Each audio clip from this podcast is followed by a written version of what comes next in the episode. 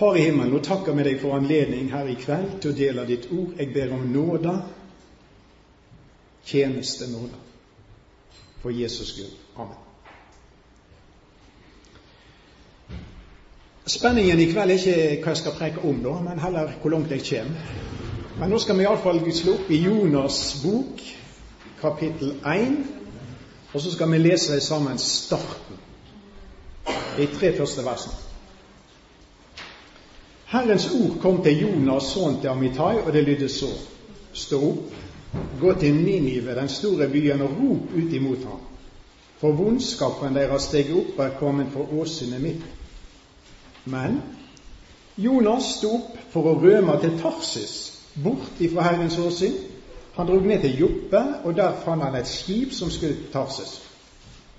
Så betalte han for ferda, gikk om bord for å fare med dem til Tarsis, bort ifra Herrens åsyn. Vi så litt før i dag da, om tida eh, omkring Jonas si, eh, si tjeneste, og vi så starten på Jonas' i bok, altså Herrens ord som kommer til denne mannen. Og Det ordet fra Herren det var altså et kall, det var et oppdrag, det var en befaling, å gå til en bestemt plass med et bestemt budskap. Og Gud bruker altså, se igjen, Gud bruker et menneskelig redskap når han skal nå mennesket i en bestemt by. Jeg har jo av og til sikkert snakket om det før, og jeg har tenkt det måtte jo være mye enklere med engler eller serafer eller kiruber eller Men når Gud frelser mennesket, bruker han som regel mennesker. Og jeg holdt på å si mange forskjellige sorter. Hva var oppdraget til Jonas? Du skal rope ut imot den store byen Ninive. Det var en by som var preget av vondskap og synd, horribel synd. Og jeg er helt sikker på at Jonas med en gang skjønner at dette blir ingen lystreise. Og kallet var veldig klart. Han trang ikke spørre noen som helst om hjelp til å skjønne Guds kall. Det var klinkende klart, og responsen til Jonas var like klar. Han unnskylder seg ikke, som Moses gjorde, eller Jeremia gjorde. Han sier ingenting, men han viser med sin handling et så klart nei som det går an å si. Det er ikke snakk om en lunken fyr her. Det er snakk om en kald fyr. 100% kald. Han er nå tjeneren som ikke vil tjene. Han er nå profeten som ikke vil profetere. Han er Guds mann som ikke vil gå på Guds vei. Det er ikke 'halleluja, takk Gud for jeg skal få et nytt oppdrag'. Det er ikke 'Jesus, Herre, jeg, send meg'. Tvert imot. Og en parentes nå. Hvorfor står disse tingene i Bibelen? Hvorfor er ikke Gud sånn at han bare presenterer fullkomne folk og fullkomne tjenere? Jeg må bare si at for min del er det oppbyggelig og trøsterikt å lese om alle disse u... Ja, jeg holdt på å si ugudelige, men, men de var skrøpelige tjenere som Gud har brukt. Og hvis Gud bare skulle bruke fullkomne folk, hvor mange av oss hadde da blitt ansatt? Ingen. Vel, vi så i formiddag Herrens ord kom til Jonas. Det er en underlig sak. Sant? Og så ser vi videre mange plasser at det er lettere for dette ordet å styre stjerner og planeter og fisker og vind og hav og ravner og mygg og fugler og alt. Altså Det ser ut til mye enklere det enn av og til det å få Guds folk til å gå dit Gud vil. Jonas er Guds tjener, men han har en mulighet å si nei. Jeg vet ikke om stjerna har det. Jeg vet ikke om sola har det. Men Jonas hadde det, og Jonas brukte den muligheten. Og så sa han nei.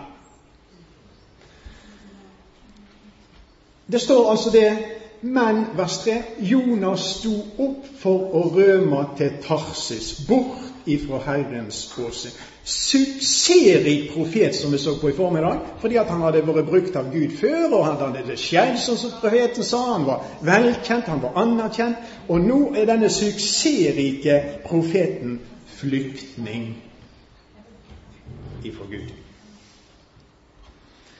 Og vet du hva dette er for noe? Jeg er nå på misjonskonferanse nå. Dette er altså eh, bibelhistorie sin første misjonær. Her er pionermisjonæren, folkens. Med et kall til å nå et folk, ei folkegruppe langt derifra som du. Og så tar han altså Kain sin vei. Første Mosebok 4. Kain flytter vekk ifra Herrens åsyn, står det. Og det gjør Jonas. Han vil vekk ifra Herrens åsyn. Jonas fornekter aldri Gud. Jonas ble aldri ateist eller agnostiker, men Jonas han vil vekk ifra den plassen der Guds kall er så intenst. Guds nærhet. Og så vil han prøve å komme seg lengst mulig vekk. Og flyktruta hans er helt klar. Det er Joppe, det er Tarsis, og det er bort fra Herrens åse. Nå spørs det om jeg kan få opp et kart igjen her. Eh, dette er veldig sånn eh, grovt, da. Eh, her er det Gatt Hefer, som vi så før i dag. Og så reiser det til Joppe, en eh, kanskje sju-åtte mil sørover. Og så setter han kursen imot Tarsis, og ja, vi skal komme tilbake igjen til det. Men det Gud hadde kalt han til, var her. Han tar stikk motsatt retning av det som Herren hadde sagt.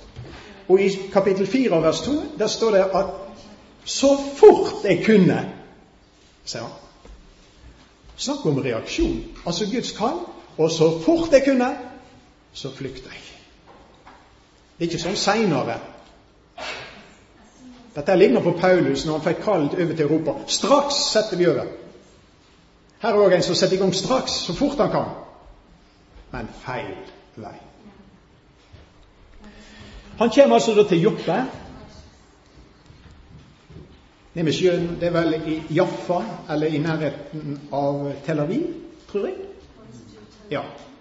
Eh, og det er jo faktisk på samme plass som Peter får en åpenbarelse om misjon til hedninger òg. Og her er det en som skal flykte fra hedningemisjon. Senere får Peter en åpenbarelse om at han skal gå til hedninger med evangeliet. Eh, og så når han kommer ned her, så ligger det altså et skip klart. Han finner et skip som skal til Tarsis. Han betaler for ferda. Han går om bord. Ser du hvor det klaffer? Snakk om å vandre i ferdiglagte gjerninger. Alt klaffer. Og jeg sier to ting nå. Det kan ofte ligge klar en båt for deg som vil flykte fra Guds kall. Det er det ene. Og det andre det blir alltid en pris å betale for den som vil flykte ifra Guds kall. Han betalte billetten. Han betalte prisen. Hør her. Guds kall koster alltid noe å si ja til, men Guds kall koster som regel mer å si nei til. Sluttresultatet er jo det avgjørende. Vel, hva skal vi si om denne fyren her? Hva skal vi si om Jonas? At det går an. Altså så klart et kall. Og så er det jo Herren som kaller. Det vet han òg? Det er ikke tvil om hvem som er oppdragsgivere, men det er Herren. Og så allikevel så setter han av gårde vekk ifra dette som Gud kaller han til. Jeg får jo bare si, sånn som alle er klar over, dette er ikke et eksempel til etterfølgelse. sant? Jeg har ikke noen stor eh, karriere på søndagsskolen, men jeg var innom. Og så sang vi 'Jeg vil ligne Daniel', og 'Jeg vil ligne Ruth'. Det var ingen som sang 'Jeg vil ligne Jonas'. Det er noen vi ikke vil ligne. Men jeg er så glad de er her. Fordi at Gud kan lære oss ting gjennom kontraster. Ikke bare forbilder, men også kontraster. Vel, hva skal vi se om Jonas? Ja, hva ville du gjort? Jeg skal nevne noen faktorer som gjør at jeg for min del kanskje ikke er så kolossal hard i dommen over ham. For det første skal vi fort andre kartet. Så venter det ei lang reise når han Jonas da skulle ifra området her, og så skal han bort her. Jeg tror det skal være en sånn ca. 80-90 mil. Interessert i å ta deg en tur? Fottur? 80-90 mil? Jeg har lest at jeg regner kanskje en måned på en sånn tur. Det var lite med busser og fly. En måned strevsom reis ifra Gat Hefer og til Ninive. Det er det ene. Men det andre, hva by er det han skal til? Ja, altså Det er Ninive. Hva by er det? Ja, det er den store byen. Det er sagt iallfall tre ganger i Jonas' bok. Det er den store byen. Og ikke bare det, men det er den syndige byen. Den ble grunnlagt av Nimrod, står det i Første Mosebok. Og etter Jonas' tid så ble den hovedstad i Asyreriket. Men det er en by under Guds dom. Det er en by under Guds vrede. Og menneskene som lever i denne byen her, forteller historiebøkene en del om. Men la oss bare ta med slutten på Jonas-boka. Der står det noe om antall. Eh, der står i vers 11 i kapittel 4 Skulle ikke da jeg ha med deg med Ninive, den store byen? Det er mer enn tolv ganger 10 000 mennesker som ikke veit å skille mellom høyre og venstre, og en mengde dyr. Eh, tolv ganger 10 i 1000 er 120 000 som ikke veit å skilje mellom høyre og venstre. Kanskje er det barn? Kanskje er det uvetige mennesker? Jeg vet ikke, men jeg har iallfall lest at det er enkelte bibeltolkere som mener det var oppi 600 000 mennesker i den byen der, i det området. En stor by, en ugudelig by. Folkene var sterke, de var stolte, og de var berykta i vide områder for sin brutalitet. Det gikk rykte om hvor vonde disse folkene var, og hvordan de kunne behandle andre folk, spesielt krigsfanger. Og Når jeg leser litt om de tingene, så blir det sånn småkvalm. For det var altså ikke noen søndagsskolegutter som bodde i den byen. Og Når det gjaldt fiendene deres, opprørerne, så slo de det med hard De var totalt nådeløse. De skar hoven av dem og hengte dem på stolper innover mot byen for å avskrekke fiendene.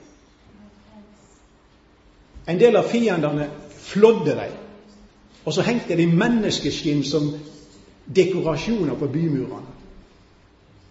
De torturerte folk, de skar ut tungen av deres, de stakk ut øynene deres. De reiv løs kroppsdeler, de hogg hendene av dem. Altså, Det gikk rykte om folk i Ninive. De var så brutale, de var så groteske, de var så umenneskelige. Og Ninive var jo òg et fiendefolk. Altså Asyria det var jo et fiendefolk av Israel. Og israelittene ønsket jo Ninive nord og ned, for å si det på godt norsk. Altså De ville fjerne disse folkene, fjerne dette riket. Og så kommer Gud og kaller Jonas til å gå til de der ugudelige, forferdelige menneskene. Kanskje han ble sånn pryd på en murvegg? Kanskje han kunne tenke at mitt hode kommer kanskje på en stake langs veien inn til byen? Det var hedninger. Jøder likte ikke hedninger. Jøder hadde et spesielt forhold til hedninger. De var ureine. De var plagsomme, og de hadde forårsaka trøbbel for Israel før, og de kom til å forårsake trøbbel for Israel seinere. Og så kommer altså Gud og sier til Jonas du skal gå til den byen. Det var mange avguder de dyrka. De hadde avgudstempel, de dyrka krigsguder, de dyrka kjærlighetsguder. Det var altså et hedensfolk som var veldig sokket ned i mørket. Jeg ligner egentlig veldig på Sodoma og Gomorra. Men ennå var ikke syndemålet deres fullt. Og nå skal du høre her. Gud brydde seg om disse folka. Gud hadde et hjerte som var fullt av medynk for disse folkene. Og Gud ønsker å berge disse folkene, og så kaller han Jonas. Men jeg sier igjen det var ingen kjekk å komme til. Det tredje jeg har lyst til å si, det er jo budskapet som Jonas skal gå med. Du skal rope ut imot byen. Altså av vondskap, av synd, av urett, på, så venter dom og ødeleggelse Ninive. Og alternativet for folk i Ninive, det er altså, når Jonas kommer og forkynner, det er omvendelse eller undergang. Det er ikke trøst. Gud sier ikke 'nå skal du gå inn og, og trøste folk her'. Han skulle ikke reise inn og si Gud er glad i deg. Han skulle ikke reise inn og si at Gud er kjærlighet engang. Altså, det kunne han si òg, men ikke først. Av og til tenker jeg jeg tror det er rekkefølge i forkynnelse, folkens. Og det Jonas skal forkynne først, omvend dere. Hva betyr det? Livet av dere er feil.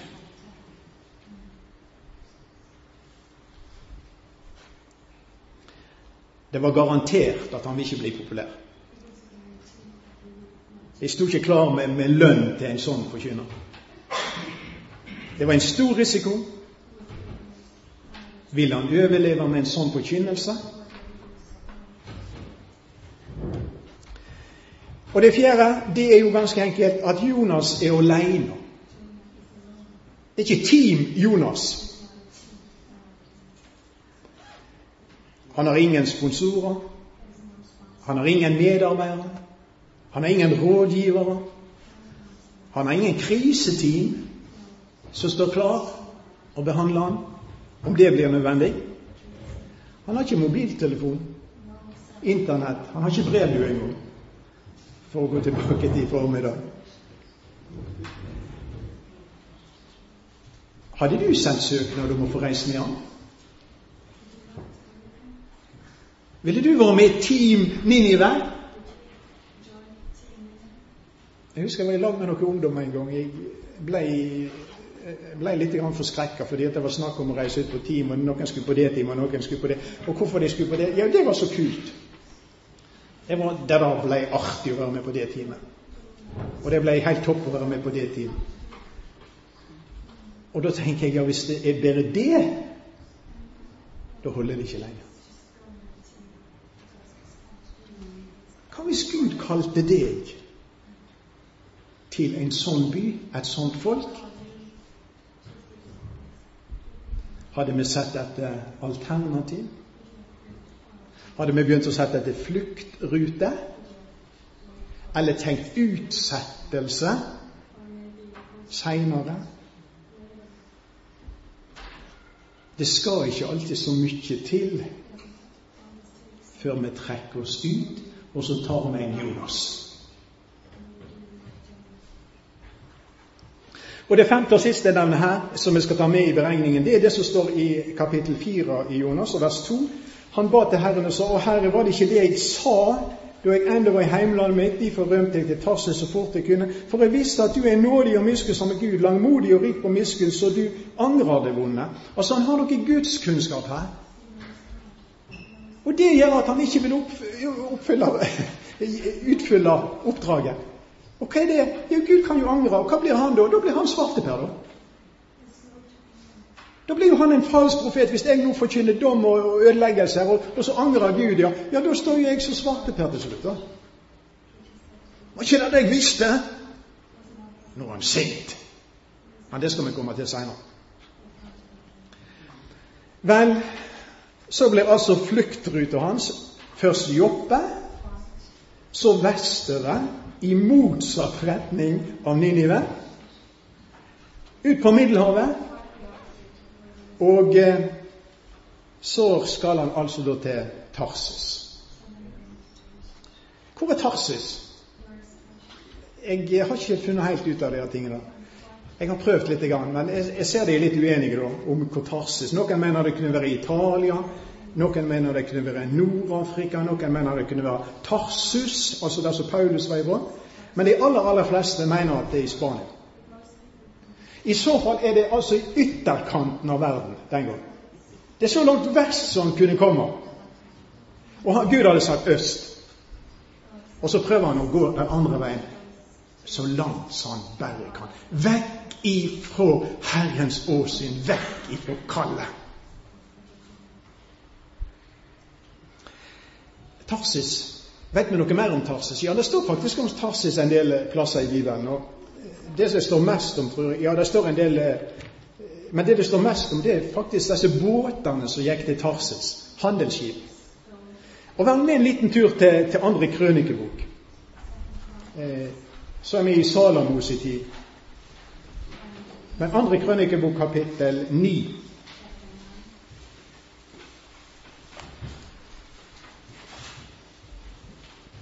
Og Der står det i vers 21 at kongen Det er Salomon vi snakker om nå. Han hadde skip som for til Tarsis sammen med mennene Hiram. En gang hvert tredje år kom Tarsis-skipa hjem, lasta med. Vet du hva de hadde med i båtene fra Tarsis?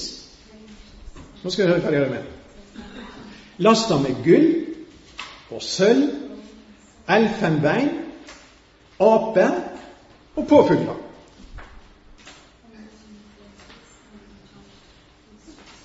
Vet du hva jeg tror Jonas kanskje tenker? Jeg tror det er litt kjekkere med apekatter og påfugler i Tarsis enn sinte og vonde hedninger i Ninive. Heller gull og sølv i Tarsis enn spott og spytt i Ninive. Heller shoppingsentre. Det er. Altså Det store i Norge er jo shoppinga, ikke det? Jeg åpna Ikea borte i Åsane. Var det 50 000 som var innom på en dag? Shopping. Ja. Shoppingsenteret Tarsis, det, det må være bedre enn offerplassen inni det. Bort ifra Herrens åsyn. Vekk ifra kallet. Ja, kunne han komme vekk ifra Herrens åsyn? Nei, det visste han, det kan jeg vel ikke. Han hadde vel lest salmen til David. Han kommer aldri vekk hvis det ikke liksom Gud ser ham. Men som jeg sier, det der med det der kalde, det der innforslitne kalde, jeg må vekk. Vekk ifra det.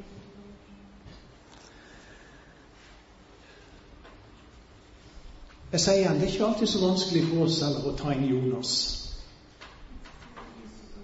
Er det det? Du skal gjerne ikke til en svær, ugudelig by, men kanskje en nabo. En familiemedlem.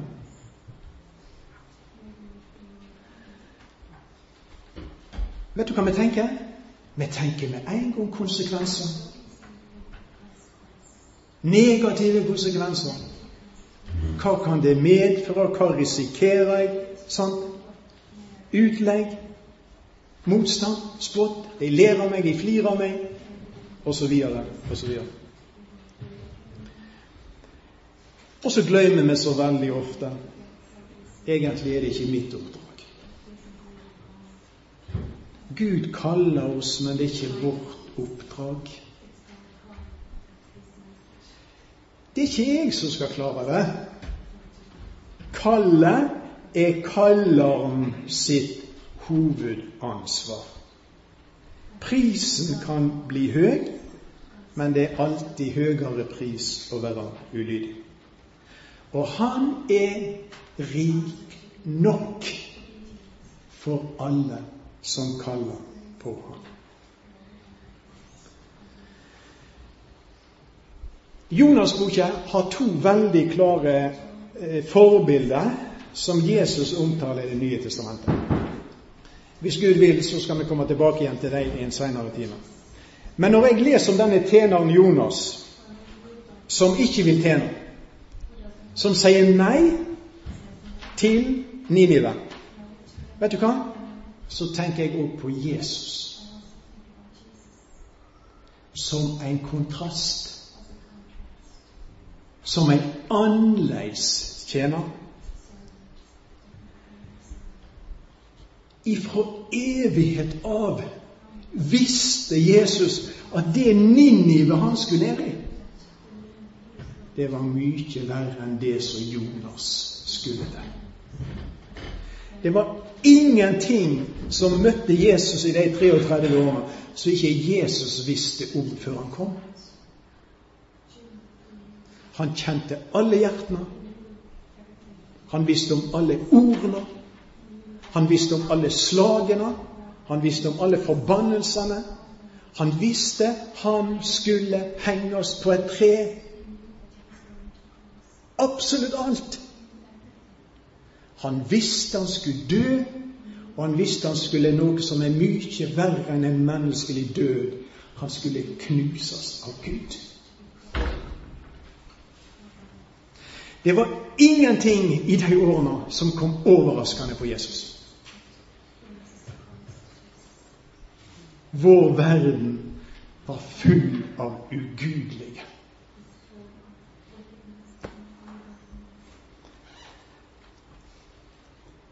Jesus så aldri etter noen fluktrute.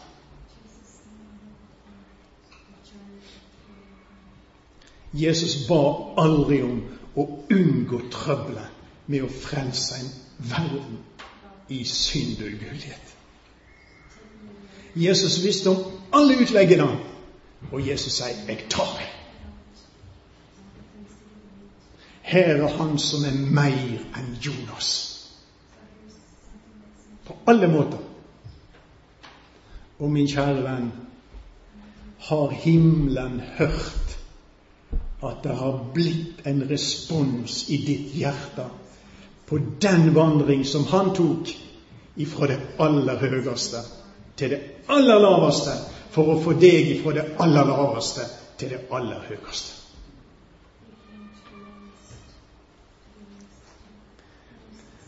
Vi har ei lita gullgrue her som heter Sangboken. Masse flott i den. Jeg skal lese et par vers til deg, som er skrevet i 1647.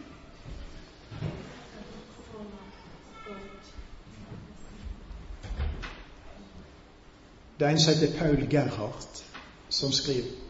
Hør godt etter. Her ser jeg et tålmodig land som seg til døden skynder, som bærer andres sorg og skam og hele verdens synder. Til offerstedet står hans hu. Han sier, villig skal jeg nu for Adamsetten strider.